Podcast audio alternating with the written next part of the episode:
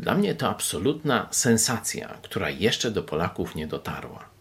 Ksiądz, który został nawet wyniesiony na ołtarze, nazwany błogosławionym, w rzeczywistości obnażył kłamstwo podstawowej doktryny katolickiej o zbawieniu, że na zbawienie człowiek sobie może zasłużyć przez dobre uczynki, chodzenie do kościoła czy sakramenty. Zobaczcie, żeby nie było, że to ja wam mówię.